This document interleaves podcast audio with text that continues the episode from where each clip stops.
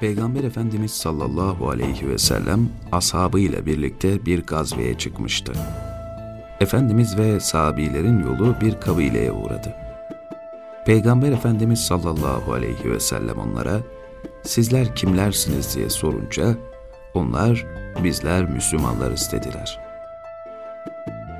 O esnada bu kabileye mensup bir kadın tandırına yakacak atmakla meşguldü ve yanında bir oğlu vardı. Tantının alevi yükselince kadın çocuğu uzaklaştırdı. Sonra da Resulullah aleyhissalatu vesselamın yanına gelip sen Allah'ın Resulüsün öyle mi diye sordu. Hazreti Peygamber evet deyince kadın anam babam sana feda olsun. Allah merhametlilerin en merhametlisi değil mi diye sordu. Peygamber Efendimiz'den yine evet cevabını alınca bu kez Allah'ın kullarına olan rahmeti annenin yavrusuna olan merhametinden daha fazla değil mi diye sordu. Hz. Peygamber sallallahu aleyhi ve sellem yine elbette buyurdu.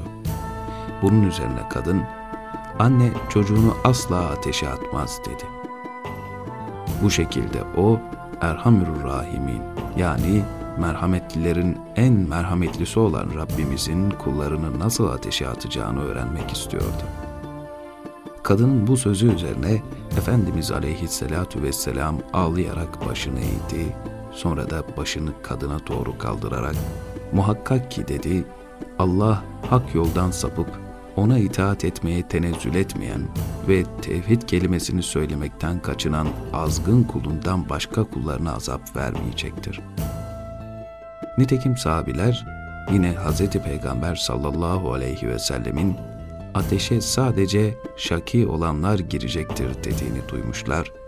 Ya Resulallah, şaki kimdir diye sorunca da şu cevabı almışlardı. Allah için hiçbir ibadette bulunmayıp hiçbir günahı terk etmeyen kimsedir.''